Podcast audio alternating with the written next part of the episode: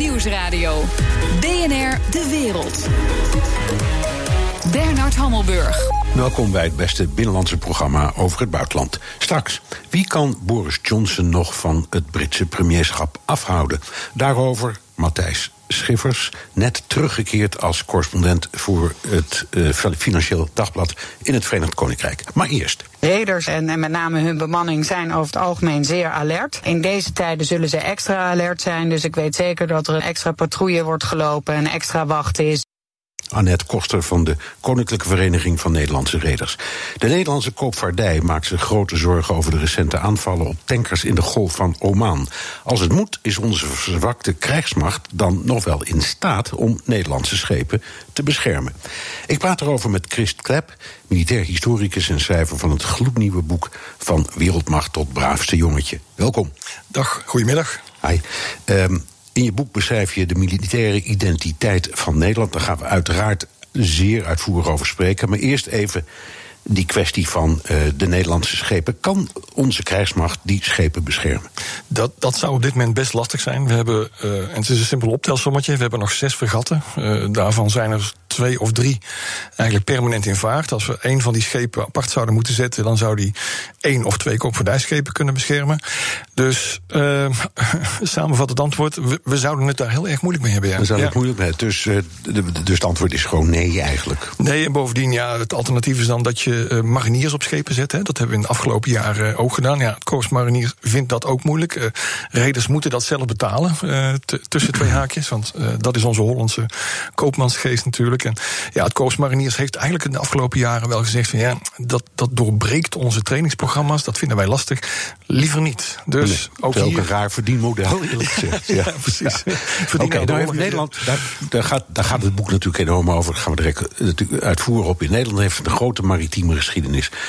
Dan, moet je, dan denk je toch, ja, maar dit moeten we toch op zijn minst op orde hebben. Ja, het is ook niet voor niks natuurlijk dat de reders uh, dat heel sterk benadrukken. Hè. Dus eigenlijk het behoud van onze uh, scheepvaartindustrie. Als nieuwe schepen gebouwd moeten worden, ook voor de marine, dan moet de Nederlandse maritieme industrie daarbij betrokken zijn.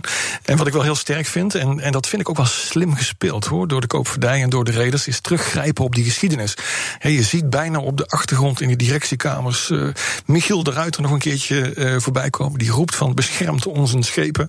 En als, die, en als hij de Britse vloot uh, kon pakken, dan kan de Nederlandse, dan kan, dan kan zo'n Nederlands fregat toch de Iraanse uh, ja, makkelijk aan. Ja, ja toch? Uh, nu we toch naar chatten, maar dan richting uh, Irak zou je bijna zeggen.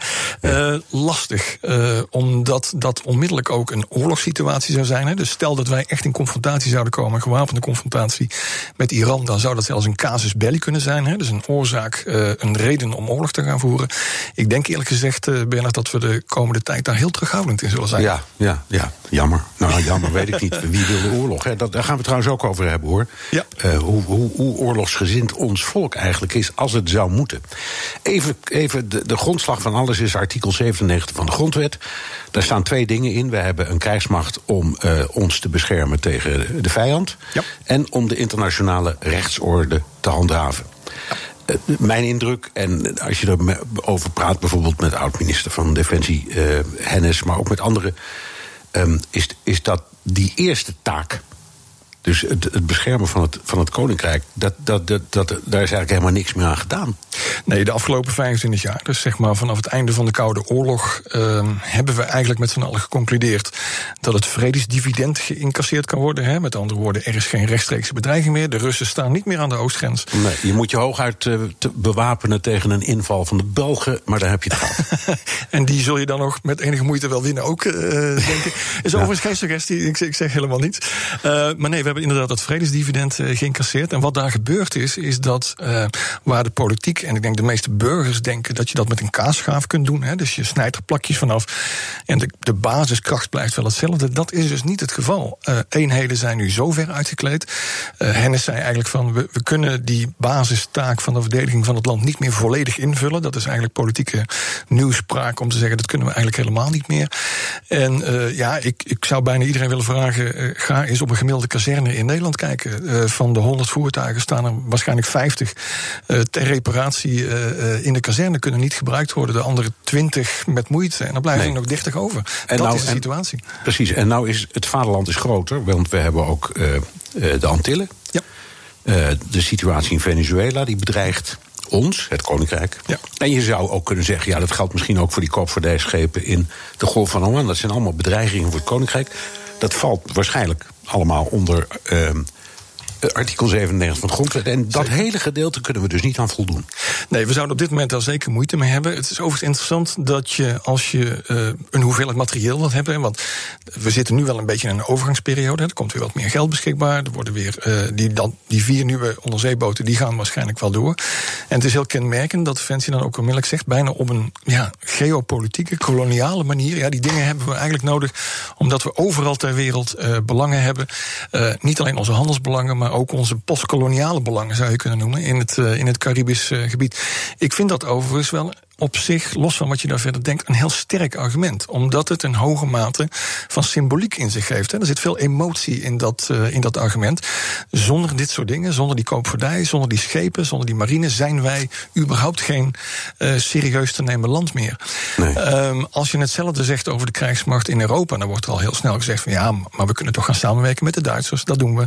We kunnen gaan samenwerken met de Fransen. Dus er is een soort marge waarmee je kunt werken. Hup, Europees leger, dan zijn wij van het probleem af. Wat deze 66 natuurlijk uh, heel graag zou hebben. Ik denk niet dat het er gaat komen, maar het zijn logische argumenten om te gebruiken. Oké, okay, nou even de andere kant van artikel 97. Dat is het handhaven van de internationale rechtsorde. Daar, en daar doen we wel aan. Ja, zeker. En daar doen we ook vaak aan mee. En mijn indruk is dat van die paar centen die er nog waren, het grootste deel daarop is ingezet. Ja, zeker. Ik denk dat je niet overdrijft als je zegt uh, dat de afgelopen 25 jaar de hoofdtaak van de defensieorganisatie eigenlijk buitenlandse uh, missies ingeworden in alle soorten en maten. We hebben er grofweg geteld zo'n 80 gedaan uh, de afgelopen jaren.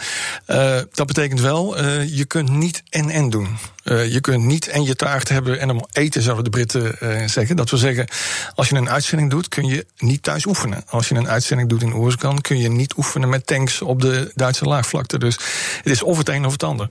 Om het even heel concreet te illustreren. Uh, toen de helikopters twee jaar in Mali zaten de afgelopen jaren met een missie. En toen de commando's twee jaar in Mali zaten de afgelopen jaren. Zeiden allebei hun commandanten zeiden voor de Tweede Kamer. Luister eens, wij moeten die troepen nu echt terughalen na twee jaar. Want we doen daar eigenlijk niks wat enigszins een soort van een oefening kan zijn. Onze commando's mogen niet op terroristen jagen. Onze commando's mogen zelfs geen smokkelroutes aanpakken. Onze helikopters vliegen met alle respect eigenlijk rondjes. Hè, zijn een soort uh, transportbussen uh, geworden. En na twee jaar zeiden allebei die commandanten: haal ons alsjeblieft terug uit Mali.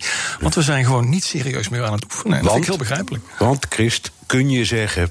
Uh, Nederlanders willen eigenlijk niet vechten, die willen vrede maken. En die willen, die willen de vreken ook ja, prediken, noem het maar. Ja, dus zeker. Dat, het zit ja. meer in ons dan knokken. Ja, als je, als je, ik haal in mijn boek ook even de enquêtes aan, internationale enquêtes, waaruit blijkt dat maar 15% van de Nederlanders uh, in staat of, of zou willen uh, dat we gewapenderhand onszelf verdedigen tegen een, uh, tegen een buitenlandse vijand. Dat zegt nogal iets, hè? 15%. Het gemiddelde in alle internationale landen is zo'n 50, 60%. Dus dat ligt aanzienlijk hoger. Overigens het hoogste aantal is Fiji. Daar is 95% van de bevolking. Iedereen wil Fiji voor het verdedigen. Precies. Ja. Maar dus, die zitten ook heel vaak in internationale vredesmachten. Ja, dat is heerlijk. Ja, zeker. Wat wij, wat dat, wij, is, dat, is, dus niet voor niks. Ja, en wat wij dus ook gedaan hebben, nou doen de Fietjes dus ook. Sterker nog, zij betalen uh, de, het dubbele van hun defensiebegroting uit die vredesoperaties. Dat is op zich wel grappig uh, ja. natuurlijk. Is dat wij, wat wij de afgelopen jaren gedaan hebben, is dat we eigenlijk gezegd hebben, nou we maken van die krijgsmacht eigenlijk een uitzendbare krijgsmacht, een expeditionaire macht zoals het dan zo mooi heet. En met al die vredesmissies kunnen we ook nog politiek en diplomatiek heel goed scoren. En dan herinnert iedereen zich natuurlijk de naam van Jaap de Hoop Scheffer. Hè, Irak, Jaap de Hoop Scheffer, secretaris-generaal uh, van de NAVO. Iedereen herinnert zich Bert Koenders. Bert Koenders, Mali, hoofd van de missie. hey, een zetel van de Veiligheidsraad komt vrij. Dat is wel erg goed om daar Mali bij te gebruiken als uh, argument. Dus wat we nadrukkelijk gedaan hebben, en ik denk niet dat ik overdrijf als ik zeg dat de krijgsmacht er echt wel boos om geworden is. Uh, heeft vooral Buitenlandse Zaken gezegd. Nou, we kunnen dat militaire apparaat gewoon heel goed gebruiken. om diplomatiek te scoren over de hele wereld. Ja, los van alle goede en, taken en, die we doen. En, en, onze toppers neer te zetten. Gelukkig dat Frans Timmermans niet in dat circuit zit. nee, Precies. Maar goed, nog even één, één klein dingetje voordat we even onderbreken. Um, als je kijkt naar, daar heb je ook al eerder een boek over geschreven, zelfs de JSF. Um, dat is ook zo'n raar project. We hebben er 37 nu in bestelling. Ja. Um, en die volgen 200 F-16's op. Ja. Ik herinner mezelf nog dat Vredeling, die destijds bij die F-16 was, uh, dronken uh, in, uit een kroeg moest worden gevist om te tekenen. Want zo was die tegen die F-16's, maar goed is gebeurd. Ja. Is er eigenlijk nu met die JSF net zoiets aan de hand? Ja, als, het, zijn de toys for the boys, hè, zou je kunnen zeggen. De grote spullen uh, voor de krijgsmacht. Die de krijgsmacht ook vindt dat ze nodig heeft om uh, te hebben. En ja, in dit geval speelt dus heel duidelijk de internationale context. Amerika koopt die dingen, de NAVO-landen, de meeste NAVO-landen koopt de JSF. En dus is het eigenlijk onmiskenbaar zo dat Nederland dat ook gaat doen. Even los daarbij, Bernard, het argument dat we zo ook onze Nederlandse luchtvaartindustrie dachten te redden. Fokker was uh, failliet, alle andere bedrijven waren failliet. Nou, we zouden zoveel compensatieorders krijgen dat het geld gewoon uh, tegen de planken zou klotsen. Hè, zou, zou Rutte ja. op dit moment zeggen. Nou ja, dat, dat, dat blijkt niet helemaal zo te zijn. Nee, dat was, en dat komt ook omdat daar gaan regeringen niet over. Dus de Amerikaanse regering kon daar makkelijk voor tekenen. Maar uiteindelijk moesten gewoon die defensie defensieindustrie moest het uitvoeren. En die zei tegen Washington: dat maken wij zelf uit. Bij wie we onze schroefjes en moertjes bestellen. Dat lijkt me een hele goede samenvatting van wat ja. er gebeurd is. Uh, Oké, okay, zo dadelijk. Met Den Haag als stad van de vrede is Nederland het land van internationaal recht. Draait die status onze krijgsmacht de nek om. BNR Nieuwsradio. BNR De Wereld. De Nederlandse krijgsmacht kampt met gigantische personeelstekorten. We hebben nu al op dit moment 5600, 700 vacatures. Ik denk op termijn, zou het, als we met de investeringen meerekenen, dan zitten we zo gauw aan 8000 mensen. Minister Bijleveld van Defensie vorig jaar in dit programma. Is dat enorme tekort een salariskwestie of heeft dat te maken met de militaire identiteit van Nederland? Ik praat erover met Christ Klep, militair historicus en schrijver van het gloednieuwe boek Van Wereldmacht tot Bataafse jongetjes. Want dat gaat heel erg over die Nederlandse mentaliteit. Christ, heel simpel, waarom lukt het Defensie niet om personeel te vinden? Is dat omdat die Nederlander zegt: Ik heb gewoon helemaal niks met leger, defensie, verdedigen, de groeten? Uh, daar zit zeker een, een, gedeelte van het antwoord. Ik, ik, zeg wel eens van, ja, een militaire identiteit is net een beetje als zwanger zijn. Je kan niet een klein beetje zwanger zijn en je kan niet een klein beetje een militaire identiteit hebben. Uh, in Amerika bijvoorbeeld, hè, waar alles beter is, ik geef het, geef het er toe. Uh, niet altijd, maar waar meestal alles, alles beter is, daar zie je dat het invullen van banen bij Defensie niet alleen een kwestie is van, ik wil gewoon een 9 tot 5 baan, ik wil een interessant beroep, ik wil een uitdagend beroep, maar daar is de militaire identiteit heel vanzelfsprekend. En we kennen allemaal het voorbeeld van uh, de film begint, het licht gaat nog even aan, er zitten twee veteranen in de zaal in New York en die veteranen worden nog even in het, uh, in het licht gezet en hartelijk bedankt. Kijk, die militaire cultuur hebben wij niet en daarom, en daar zit een gedeelte van het probleem denk ik, kunnen we dat ook niet als werving element gebruiken. Uh, ik, kijk bijvoorbeeld eens, uh, naar onze wervingspotjes hè, op, op tv. wat zie je daar? Daar zie je bijvoorbeeld iemand, een militair, 1953, zwart-wit beelden, die neemt een oude man mee en redt hem uit het water. Die, uh, die wervingspot gaat naadloos over in dezelfde militair die een paar jaar later een Afghaans meisje redt. Uh, in 2006 uit het vuurgevecht in, uh, in Afghanistan. Kijk, als je dat verband legt, dus je maakt van je krijgsmacht eigenlijk een soort van een hulporganisatie, een, een, een organisatie die vooral goed doet met militaire macht, ja, dan moet je ook niet heel vreemd opkijken dat mensen in Nederland zeggen van ja, maar dat is wel een heel dubbelzinnig, heel schizofreen beeld en wil ik daar wel deel van uitmaken. Ja, en het klopt, het, het klinkt toch heel erg als de traditionele missie en zending. Een missionaris die ook een geweer bij zich heeft, voor je kan niet weten. Precies. En, en wat je daar, in Amerika loopt nu een heel interessant. Uh, Amerika loopt een heel interessant uh, uh, experiment waarbij eigenlijk wervingspotjes gebruikt worden. Waarin gewoon echt oorlogsgeweld getoond wordt. Hè. Dus je ziet echt de mariniers vechten door Fallujah trekken. Daar sneuvelen mensen, daar gaan mensen dood, er wordt gebombardeerd. En ik ben heel benieuwd naar de resultaten daarvan. Maar de gedachte achter dat experiment is eigenlijk dat je gewoon moet laten zien wat militaire macht is. Hè, wat militaire macht uh, voorstelt, wat het veroorzaakt. En ik denk eerlijk gezegd dat het wel eens goed zou zijn in Nederland dat we over dat soort dingen serieus gaan nadenken. Ja. ja. In je boek heb je, eh, heb je, heb je twee visies. Er zijn twee visies over Nederland: de traditionele visie en de revisionistische visie. Ja. Laten we die eens langs gaan. Die eerste, de is die, die, die traditionele visie is dat uh, saaiheid, orde, fatsoen. Uh -huh. uh, en is, ik zal maar zeggen, Srebrenica of de overgave aan de Duitsers in de Tweede Wereldoorlog in het verlengde daarvan. Ja, Laf, een soort van lafheid, zal ik maar zeggen. -huh. Ja, dat is een groot woord hoor, maar oké. Okay. Ja, dat is een clichébeeld. Hè? Dat uh, Nederlanders kunnen niet vechten. Wij zijn kooplieden en dominees. Uh, wij gebruiken onze militaire macht alleen maar om te handelen en onze handel te beschermen. En that's it. En dat is eigenlijk het beeld uh, waarmee ik ook elk jaar weer opnieuw geconfronteerd word. Hè. Dus, het, is, het is Veteranendag en weer wordt die vraag gesteld van... Ja, het is niet erg militair hè, wat hier vandaag gebeurt. wij zijn niet heel erg militaristisch, hè. wij zijn niet heel erg militair. Wij kunnen eigenlijk niet vechten. Hè. Kijk maar naar meidagen 1940, kijk maar naar Srebrenica. En dat beeld heb ik wel een beetje willen bijstellen inderdaad. Ja, ja. Nou, je noemt ook in het boek een, een voorbeeld van daar heb je hem weer, Henk Vredeling, oud-minister van Defensie in 73... die eigenhandige militaire parade voor koningin Juliane dwarsboomde. Ja, mooi, mooie anekdote. Vredeling was, had helemaal niets met uh, militaire parades. Zij zelf trouwens ook van, ik heb helemaal... En hij had ook, niet, hij had ook niets met F-16. Precies. Nou, hij, zei, hij zei letterlijk van, ja, ik, ik, die, die rangen, dat interesseert me ook helemaal niet van die militairen. Nou, dat moet je vooral tegen een generaal zeggen als je, uh, als je minister van Defensie ja. bent. Um, maar nee, het, het, zijn voorganger had aan uh, Bernard en Juliane beloofd... dat er een hele grote parade zou komen ter viering van een van de jubilea. In Amersfoort op een van de grote oefenterreinen. Nou, Vredeling vond dat maar helemaal niks. En dat is uiteindelijk uh, nou, veel protest van Bernard, die woedend aan de telefoon hing. En Vredeling op een bepaald moment zei van ja, uh, beste prins, met alle respect, beste hoogheid. Maar ik ben de minister van Defensie en ik bepaal in de huidige politieke constellatie wat er gaat gebeuren. En ja. het is uiteindelijk een hele knusse bijeenkomst geworden. Ik geloof op uh, Paleis het Loo, als ik me niet vergis, met een paar honderd militairen. En ja, dat geeft wel aardig aan, denk ik, welke, welke relatie er bestond tussen Vredeling en het militaire apparaat. Ja. Nou, die andere visie, de revisionistische visie. Ja. Uh, Nederland was een militaire macht in, uh, in de 16e eeuw, of in de 17e eeuw, 18e eeuw. Uh, enorme slagen onder Prins Maurits, onder Michiel de Ruiter, die je straks al noemde. -huh. Wat is dat met die visie gebeurd? Uh, vergeet overigens ook niet de koloniale periode in uh, Indië, waar we zelfs de Fransen en de Britten zeiden van nou, poeh, jullie zijn best een vrede koloniale macht. Jullie weten wel van vechten. Ik denk wat er gebeurd is in de loop van de 20e eeuw, ik denk dat dat in de 19e eeuw al een beetje begint, is dat Nederland eigenlijk tegen zichzelf zegt van ja, onze buurlanden hebben nu gezegd, jullie zijn een klein middelgroot landje, jullie kunnen geen van de buurlanden aan, vechten tegen Engeland, Frankrijk en Duitsland is zinloos, dus probeer voor jezelf een nieuwe rol te bedenken uh, in de internationale uh, gemeenschap.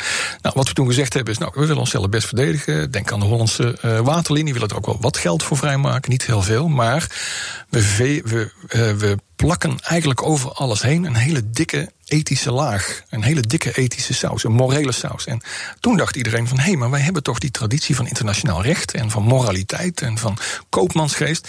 Kunnen we dat niet gebruiken om die militaire inzet uh, te ondersteunen? En mijn stelling is, en ik, ik, ik denk niet dat iedereen het daarover een, uh, daarmee eens zal zijn, zeker niet binnen het militaire apparaat, is dat we eigenlijk na de Koude Oorlog, toen er geen echte vijand uh, meer was, gezegd hebben: laten we nou teruggrijpen op die militaire uh, ethische traditie en eigenlijk goed gaan doen in de wereld. En ik denk, nogmaals, ik denk dat daar een groot gedeelte van de verklaring zit dat we eigenlijk een hele dubbelzinnige militaire identiteit hebben op dit moment. Een schizofrene militaire identiteit hebben. Ja, die eigenlijk schurkt, die eigenlijk zweeft tussen een burgerlijke goeddoenmentaliteit en een militair apparaat dat eigenlijk graag krijgshaftig zou willen zijn, ja. maar het niet altijd mag zijn. Maar dat was toch voor de Tweede Wereldoorlog met de gebroken gewiertjesbeweging ook al zo? Ja, zeker. Nee, het is het, is, het, is het eindpunt van een, van een langere uh, traditie. Vanaf het moment inderdaad ik kan er geen jaartal op plakken, maar zegt dat dat in het midden van de, van de 19e eeuw is geweest. Dat men heeft gezegd van nou, laten we een minimale inspanning plegen. Hè. Dus laten we in ieder geval zorgen dat er bijvoorbeeld de waterlinie een klein beetje op orde blijft. Laten we zorgen dat er een redelijk groot mobilisabel leger is. Hè, wat natuurlijk wel een hele knullige reputatie had. Maar laten we in ieder geval zorgen dat we flink wat manschappen hebben. En dat heeft zich later, denk ik, hè, dus nogmaals, de afgelopen 30 jaar vertaald ja. in een leger dat vooral goed doet. Ja, en um, ja, daarin is het eigenlijk zo dat de gemiddelde Nederlander zegt: Ik ben tegen een leger. Ik vind helemaal niks. En de bondgenoten die moeten ons maar beschermen. Nou, zal ik, zal ik Want dat zeggen? vinden die bondgenoten eigenlijk zelf ook over Nederland. Nou, zal ik je wat zeggen, Bernard? Als je nu gemiddeld vraagt aan de Nederlander: uh, vind je dat er een krijgsmacht moet zijn? Vind je dat die krijgsmacht sterk moet zijn? Dan zegt zo gemiddeld de afgelopen decennia tussen de 60 en de 70 procent: ja, dat moet. Ook, ook zelfs bij middel, uh, bij, bij linkse partijen uh, zie je dat vrij, vrij sterk. Dus er is wel iets van een basale reputatie van die krijgsmacht die in Nederland niet heel erg slecht is hoor. Die uh, niet, niet, uh, niet, niet onbegrijpelijk slecht is. Maar wat je wel ziet, En ja, daar zie je dan toch weer het dilemma van Defensie. Als we moeten kiezen tussen onderwijs, uh, zorg, veiligheid en defensie. Ja, dan kiest iedereen toch voor die eerste drie. dat, ja. Ik heb wel eens gezegd van ja, als er een kazerne sluit op de hoek uh, van de stad, ja, dat is jammer. Maar als er een ziekenhuis sluit op de hoek van de stad, dan staat iedereen op zijn achterste benen. Ik denk dat dat het verschil wel een beetje ja, is. Ja, dat is ongetwijfeld waar. En, en dus doen wij ook niet erg aan helden. Hè? Als je kijkt naar de hele affaire met Marco Kroon. Ja. Die werd een held, maar goed, die maakte toen een foutje links werd onder een vergrootgas gelegd. Zegt dat ook iets over ons en onze manier van kijken naar, uh, ja, het, het, naar de, de, de militaire cultuur? Ja, het is natuurlijk wel heel ironisch dat toen de krijgsmacht zichzelf eindelijk sterk genoeg voelde, hè, vanaf 2000 ongeveer, om weer eens te gaan denken in termen van heroïsme en heroïek en, en heldendom. En kwamen met het voorstel om weer eens militaire Willemsorde uit te delen. Dat was al 50 jaar niet meer gebeurd. En dat dan uitgerekend uh, daarvoor Marco Kroon uh, gekozen wordt. Even, even los, ik bedoel, iedereen zal het erover eens zijn. Het is een held. Hij heeft in Afghanistan dingen gedaan die die, die eh, militaire medaille absoluut uh, verdienen. Maar blijkbaar, en daar heb je weer dat schizofrene, die andere kant uh, van de medaille van die militaire identiteit, vinden we ook dat hij zich perfect moet gedragen. Dat het een ideale schoonzoon moet zijn. en ik kan je verzekeren dat militaire helden door de geschiedenis heen genomen dat niet zijn. Het is niet voor niks dat bij die militaire Willemsorde de voorwaarde zit dat als je meer dan een jaar gevangenisstraf krijgt, dat je hem moet inleveren. Dat is niet voor niks natuurlijk. Hè. Militaire helden zijn niet. Als je minder dan een jaar krijgt, is het oké. Okay daar, komt het eigenlijk op neer. Ja. Uh, dus, dus dat schizofrene, ja, dat, dat bleek eigenlijk onmiddellijk wel weer bij, bij de casus uh, Marco Kroon. En even kort in aanvulling, uh, zijn opvolgers als militaire Willemordedragers, uh, Gijs Tuinman en een van onze Apache-piloten, ja, die werden dus onmiddellijk ook omschreven, ook door het ministerie van Defensie. Ja, maar dit zijn ideale schoonzonen, weet je wel. Dit, dit zijn echt jongens, uh, jongens die zou, daar zou zo je dochter mee, mee willen trouwen. Ja. Daar zie je eigenlijk in drie personen die hele dubbel zijn, dubbel, dubbelzinnigheid terug. Een krijgsmacht van ideale schoonzonen en, moet ik zeggen, schoondochters. Dank, Christ Klep, militair historicus en schrijver van het gloednieuwe boek De Wereldmacht tot, van Wereldmacht tot Bataafs Jongetje. Bra BNR Nieuwsradio. BNR De Wereld. Bernard Hammelburg. Er lijkt beweging te komen in de Europese banencarousel. Er is een kans dat regeringsleiders later vandaag in Brussel met namen op de proppen komen voor in de eerste plaats de voorzitter van de Europese Commissie. Europa-verslaggever Jesse Pinster in Brussel. Durf jij al te zeggen welke namen straks boven komt drijven en hoeveel kans maakt Nederland op zo'n topfunctie? Ik, nee, ik durf nog niet te zeggen wie eruit gaat komen. Ik durf voorzichtig te zeggen wie het niet gaat worden. En dat is toch waarschijnlijk wel Manfred Weber, de Duitse spitsenkandidaat van de Christendemocraten. Inmiddels is duidelijk dat in ieder geval de Sociaaldemocraten en de Liberalen in het parlement tegen hem gezegd hebben: wij gaan niet op jou stemmen. Dus nou ja, dan is de kans al, kans al een stuk kleiner geworden. En nu is het ja toch vooral aan bondskanselier Angela Merkel. Laat zij deze Duitse spitsenkandidaat ook vallen. Maar ja, daar moet ze eerst wat uh, voor terug gaan uh, krijgen. Ik uh, vang wel op dat de sfeer bij de Christendemocraten hier in Brussel... Een grafstemming ongeveer is op dit moment. En nou ja, goed, kijk, als dat domino-steentje wegvalt... dan kan het ineens snel gaan. En dan komt wellicht ook de naam Frans Timmermans echt een beetje bovendrijven. Hoewel dat absoluut nog geen uh, garantie is. Hij is heel stil geweest de afgelopen weken eigenlijk. Ook nauwelijks op sociale media. Maar ik heb hem uh, toch hier in Brussel weten op te sporen op een bijeenkomst van Sociaaldemocraten. Hem even gesproken. Ja, daar geeft hij aan. Het is heel lastig. Ik moet het nog maar eventjes afwachten. Maar mijn inzet is en blijft in ieder geval dat ik eh, de opvolger word van Jean-Claude Juncker. Nou, wie weet toch, uh, nou, het gaat natuurlijk ook om hoe het Nederlandse kabinet daar tegenover staat. Maar goed, de onderhandelingen over die topbanen, die leken muurvast te zitten. Wat is er nu veranderd? Is dat de houding van Merkel?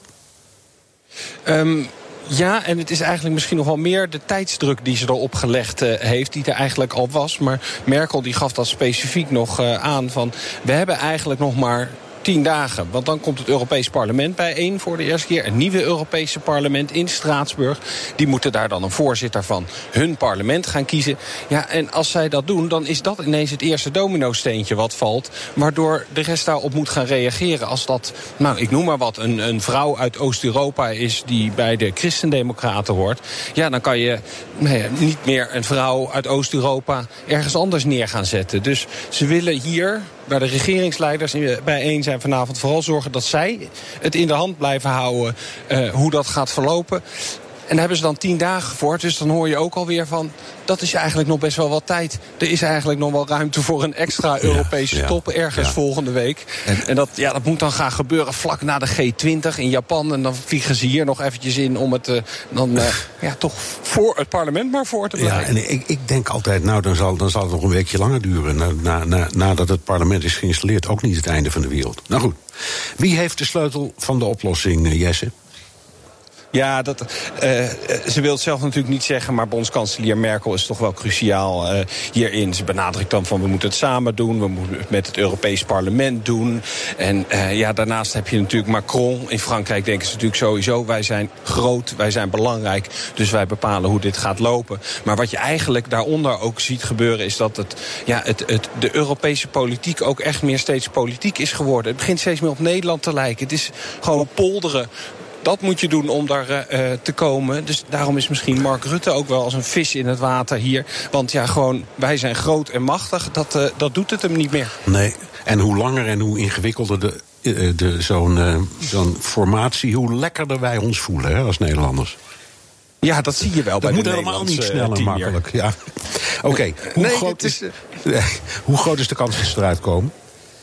Een, eh, een topdiplomaat hier die had dat over 20 procent. Dus nou, de kans is nog niet heel groot. Wat wel kan gebeuren vanavond is dat Donald Tusk, de voorzitter van de Europese Raad, een, een stemming afdwingt. Die loopt een beetje te, te, ja, nu naar voren te schuiven voor zijn eigen functie. Want daar moet ook een opvolger voor komen. Dat dat misschien wel Charles Michel, de nu nog Belgische premier, zou kunnen worden. Kijk, als hij dwingt tot een stemming daarover en dat lukt ineens, ja, dan zitten we weer in het hele domino-verhaal. En dan kan dat ineens het eerste domino-steentje zijn wat valt. En ja, dan kan het zelfs vanavond misschien nog ineens heel snel gaan.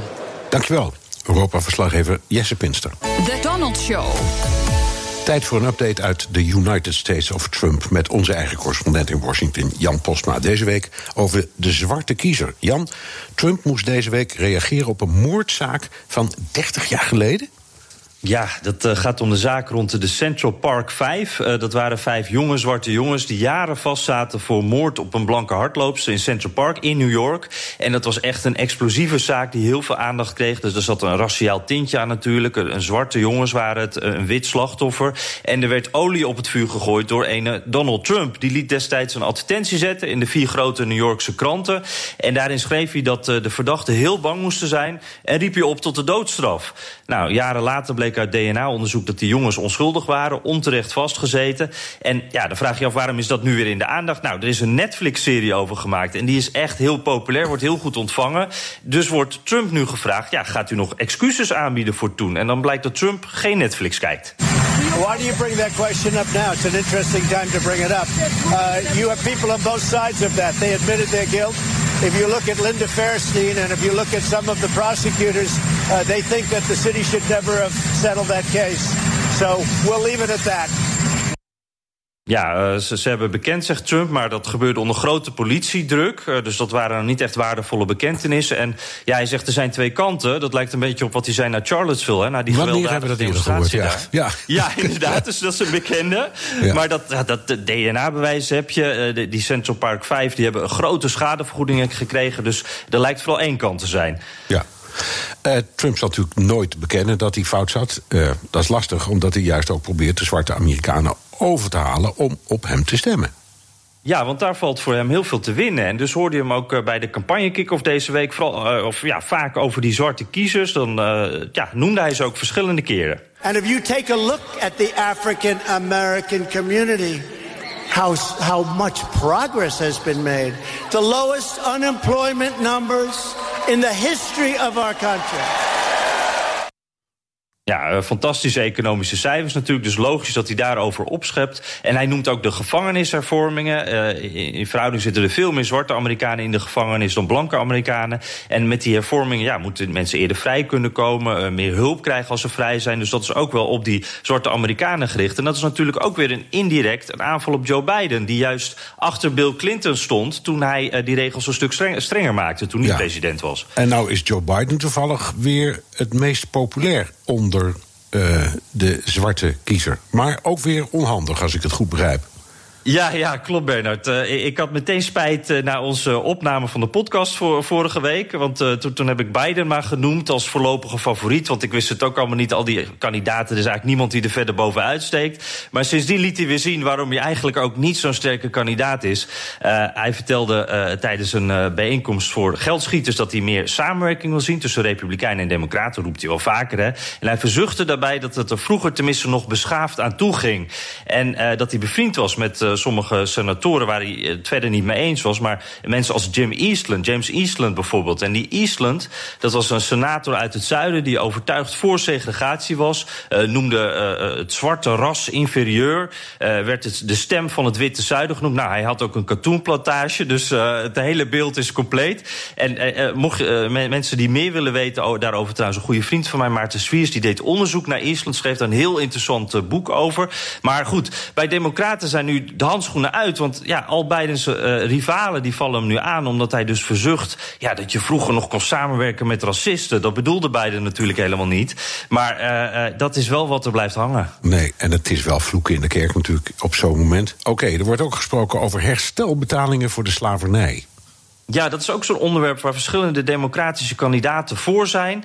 Uh, ook weer zo'n punt waar, waar, je kan zien dat Biden ja, een beetje blijft staan... terwijl de hele uh, democratische partij een andere kant op gaat. En ja, de republikeinse leider Mitch McConnell die zei al deze week... dat gaan we niet doen. Niemand leeft meer van de mensen die daar verantwoordelijk voor zijn. Dus dat zal uh, symbolisch ook wel blijven, die steun van de democraten. Maar ja, het, het is wel iets wat echt duidelijk speelt. En je kan je ook daarbij dan een beetje gaan afvragen... van ja, vinden zwarte Amerikanen dit nou ook echt zo belangrijk? Ga je hier stemmen mee halen? Want als je kijkt naar peilingen, dan blijkt toch dat zwarte Amerikanen precies eigenlijk op dezelfde manier uh, dezelfde dingen het belangrijkste vinden als andere Amerikanen. Dat is namelijk hun portemonnee. Die staat bovenaan. It's the economy, stupid. Dankjewel. Yes. Jan Postma, onze correspondent in Washington. En straks Brexit-les van correspondent Matthijs Schiffers... die net terug is gekeerd uit het Verenigd Koninkrijk. BNR Nieuwsradio. BNR De Wereld. Boris Johnson is de gedoodverfde opvolger van Theresa May. Delay means defeat. Delay means Corbyn. Kick the can again and we kick the bucket. After three years and two missed deadlines, we must leave the EU on October the 31st. Wat zegt het over Groot-Brittannië dat iemand die tijdens de Brexit-campagne zo ongeveer alles bij elkaar liegt, de nieuwe premier van het land kan worden? Ik praat erover met Matthijs Schiffers. Uh, was tot, tot voor kort correspondent voor het Financieel Dagblad in het Verenigd Koninkrijk. Nog geen week terug. Fijn dat je er bent. Goedemiddag. Hi. Uh, zeven jaar heb je daar gezeten in, in het Verenigd Koninkrijk. Ben je, ben je Brexit-moe? Uh, ja, een beetje wel, ja. Allemaal wel hier in Nederland, geloof ik. Nee, het is natuurlijk een, het is aan de ene kant een uh, fantastisch verhaal met, met verrassende wendingen en historische achtergronden en noem maar op. En een hoop kleurrijke figuren. Maar op een gegeven moment dan heb je wel het gevoel dat je een beetje in cirkeltjes aan het lopen bent. En dat er geen, geen enkele lijn meer in zit, geen vooruitgang meer. En dan denk je van, ik ben alleen maar hierover aan het schrijven. En er zijn toch ook nog wel andere dingen in de wereld die aandacht verdienen. En dan word je het wel een beetje moe, ja. Ja, ja, want inderdaad, hele grote verhalen. Af en toe hoorde je dan plotseling iets over de National Health Service. Dus uh, de ziektekostenvoorziening. Of uh, de huizenmarkt, of weet ik veel wat. Of, of het wegtrekken van financiële bedrijven uit de city. Maar dat, dat, dat verdween dan weer in het Brexit-nieuws. Ja, en ook die onderwerpen die je zojuist aanstipt, daar was altijd wel weer een Brexit-engel uh, bij betrokken natuurlijk. Ja, de ja. NHS, uh, de, de fameuze belofte op de, op de uh, campagnebus, 350 miljoen per week. Die we nu naar de EU sturen, die kunnen we straks misschien naar de NHS sturen. De huizenmarkt, booming natuurlijk, vooral in Londen. Maar misschien nu het onderstand stil aan het komen als gevolg van Brexit. Zoals altijd een Brexit-hoekje te vinden. Ja, nou hele simpele vraag. Wordt Boris Johnson het of niet? nou ja, kijk, als je er nu naar kijkt, eh, kan het hem onmogelijk ontgaan. Uh, vanavond wordt bekend uh, welke twee kandidaten ehm, eh, eh, zichzelf mogen gaan presenteren aan de leden in het land hè, van de Conservative Party. Dat zijn er ongeveer 160.000. Die moeten dan gaan kiezen tussen die twee. Nou, Boris Johnson is in ieder geval één van die twee. Die ligt zo ver voor eh, in, eh, eh, onder parlementariërs van de, van de Conservative Party. Dus dat kan hem nooit meer ontgaan. Nou, dat is natuurlijk de vraag wie daar tegenover hem komt te staan. Dat is wel een interessante ontwikkeling vanmiddag plaats, heeft, die vanmiddag plaats had. Eh Sajid Javid is afgevallen. En Michael Gove staat nu op de tweede plek. Die is Jeremy Hunt eigenlijk voorbij gegaan. En Gove en Johnson hebben natuurlijk wel een leuke historie. Die hebben Ja, even, even, even heel snel wie Ja. dat zijn. Dus Hunt is de minister van Buitenlandse Zaken en eh, de burgemeester van. Eh, vertel even. Hunt is de, de, de, Hunt is de, de was de minister van Buitenlandse Zaken en Precies. de twee anderen. En eh, nou ja, Boris Johnson, die kennen de meesten wel, was... Nee, dat weet ik. Maar je zegt er zijn er nu nog twee aan het afvallen of gaan afvallen. Nou ja, naast Boris Johnson heb je dus inderdaad Jeremy Hunt en eh, Michael Gove, de huidige milieuminister. Ja. Die met eh, Boris Johnson een campagne voerde voor de Brexit drie jaar terug. En daarna was het dus de bedoeling dat Boris Johnson David Cameron zou gaan opvolgen. met de steun van Michael Gove. Maar die besloot op het laatste moment voor zijn eigen eh, kansen te gaan. Waardoor die, die twee met elkaar gebrouilleerd raakten. Johnson zich terugtrok, et cetera. En nu, eh, drie jaar later, zou het dus kunnen dat die twee het tegen elkaar moeten gaan opnemen. Ja. Hoe verklaar je de populariteit van Johnson? Kijk, als, we het over de populariteit van Johnson hebben, dan hebben we het natuurlijk vooral over de populariteit van Johnson in de Conservative Party. Eh, het, valt te bezien hoe populair die is in het hele land. Eh, nou, in de Conservative Party is hij populair omdat hij wel beantwoordt aan een aantal. eh, of hij refereert aan een aantal eh, waarden die heel belangrijk zijn in die partij. Het is een beetje, eh, wij Britten zijn een grote natie. Wij, wij moeten trots zijn op, eh, op, op wat wij alleen kunnen. En we hebben een grote toekomst buiten de EU. en die ligt eigenlijk zeg- maar voor ons. Dat, dat is een boodschap die hij als geen ander kan uitdragen, uitdragen met, met mooie speeches, et cetera. Dat doet het gewoon heel erg goed binnen Ja, zo'n en, en, conservative en, party. en noem, jij, noem jij zijn methode humoristisch of cynisch of sarcastisch?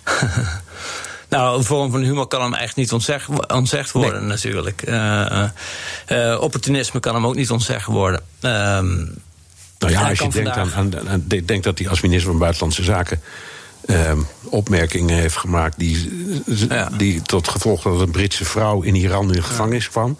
Eh, en als columnist noemde die vrouwen in boerka wandelende brievenbussen. Ja. daar moeten misschien heel veel mensen om lachen, maar klaarblijkelijk helpt het wel. Nou, dat zijn de opmerkingen die je dan misschien niet zo snel humor- humoristisch zal noemen, maar die eh, wel typisch eh, Boris Johnson opmerkingen zijn. En, die, en dat is een beetje het, het frappante van hem. Het glijdt ook wel weer van hem af. Hij heeft die dingen gezegd en bij een andere eh, politicus zou hem dat de kop kosten, maar niet, niet bij hem op de een of andere manier.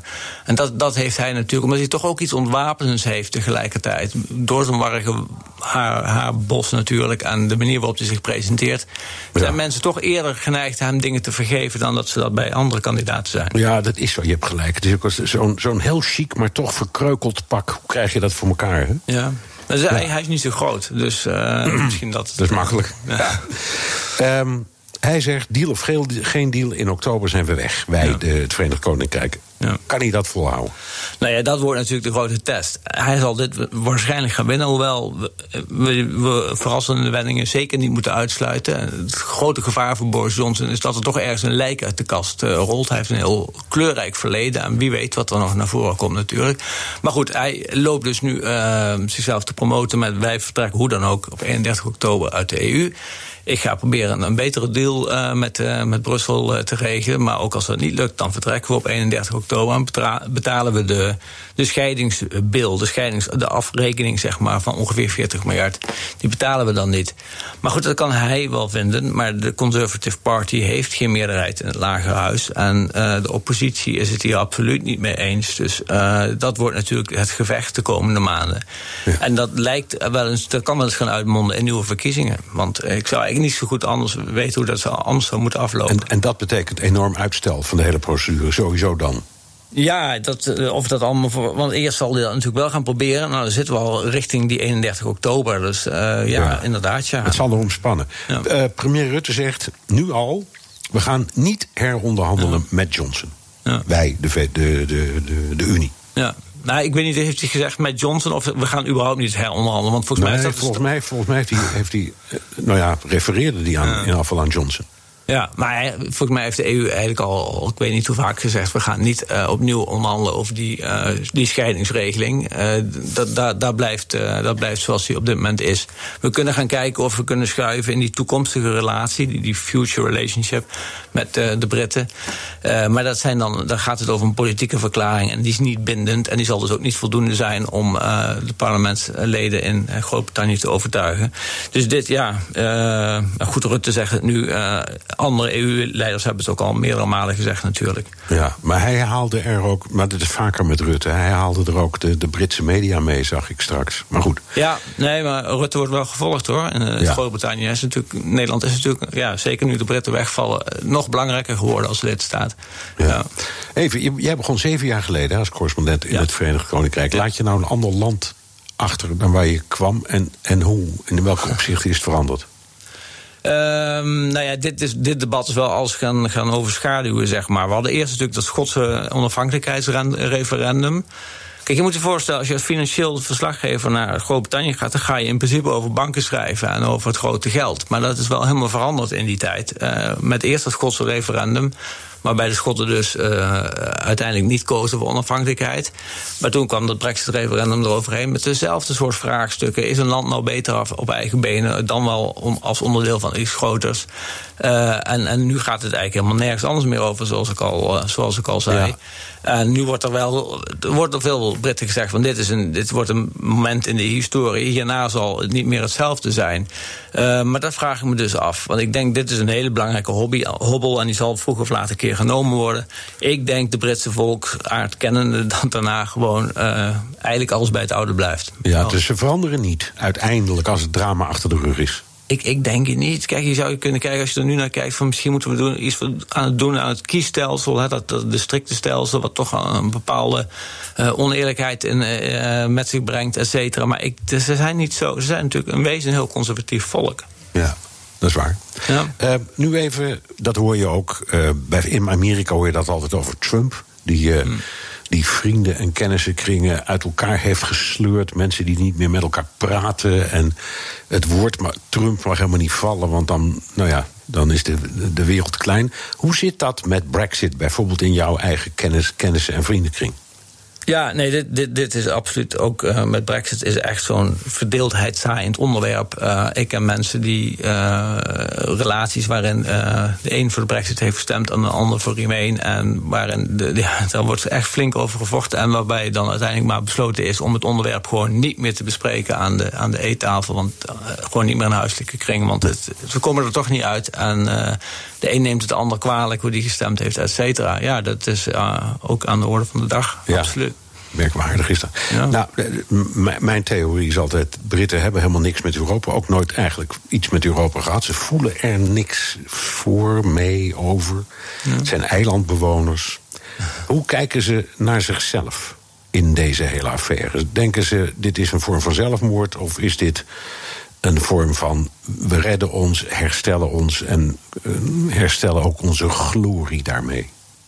Ja, je hebt de echte gelovers die denken dat echt de, brek, de Brexit eh, het land eh, terug gaat brengen naar de, de dagen van het grote Britse Rijk. Dat, dat is natuurlijk geen meerderheid, maar die zijn er wel. Eh, er zijn er allemaal mensen die zeggen: ja, wij, wij zijn, wij passen ook inderdaad niet echt in die Europese familie. Vergis je niet, hè, ook de meest pro-Europese Brit moet niks hebben van zaken als de euro, Schengen, et cetera. Dus die zien de, de EU vooral als een, als een handelsorganisatie, een economische grootheid waar ze alleen om economische redenen wat mee eh, van doen willen hebben. Ehm, maar er zijn dus ook wel Britten die, die zich een beetje schamen voor wat er nu de laatste tijd is gebeurd. En die, die, die zich zorgen maken over eh, de uitstraling die het land heeft op het wereldtoneel met deze politieke strapatsen. Ja, Ja. Want, want, want het visitekaartje van de Union is Johnson en Farage. Dat is, ook, dat is ook geen lekker idee voor sommige mensen. Eh, Johnson zal er heel veel aan gelegen zijn om, eh, om Farage zo ver mogelijk eh, op een afstandje te houden, natuurlijk. Hij, hij, hij, hij presenteert zich natuurlijk wel graag als een soort Winston Churchill, die, die het land gaat redden en weer terug gaat brengen aan, aan, het, aan de top. Ja. Ja. Nou, eh, Ehm, leuke tijd gehad. Fijn dat je er nog Ja. even op wil, over, op wil terugkijken. Dank Matthijs Schiffers, oud-correspondent in het Verenigd Koninkrijk voor het Financieel Dagblad. Graag gedaan. En tot zover BNR De Wereld. Terugluisteren kan via de site, de app, iTunes of Spotify. Volgende week staat BNR De Wereld volledig in het teken van de macht van Europa. Kom dan langs bij onze speciale locatieuitzending bij de faculteit Governance and Global Affairs van de Universiteit Leiden in Den Haag.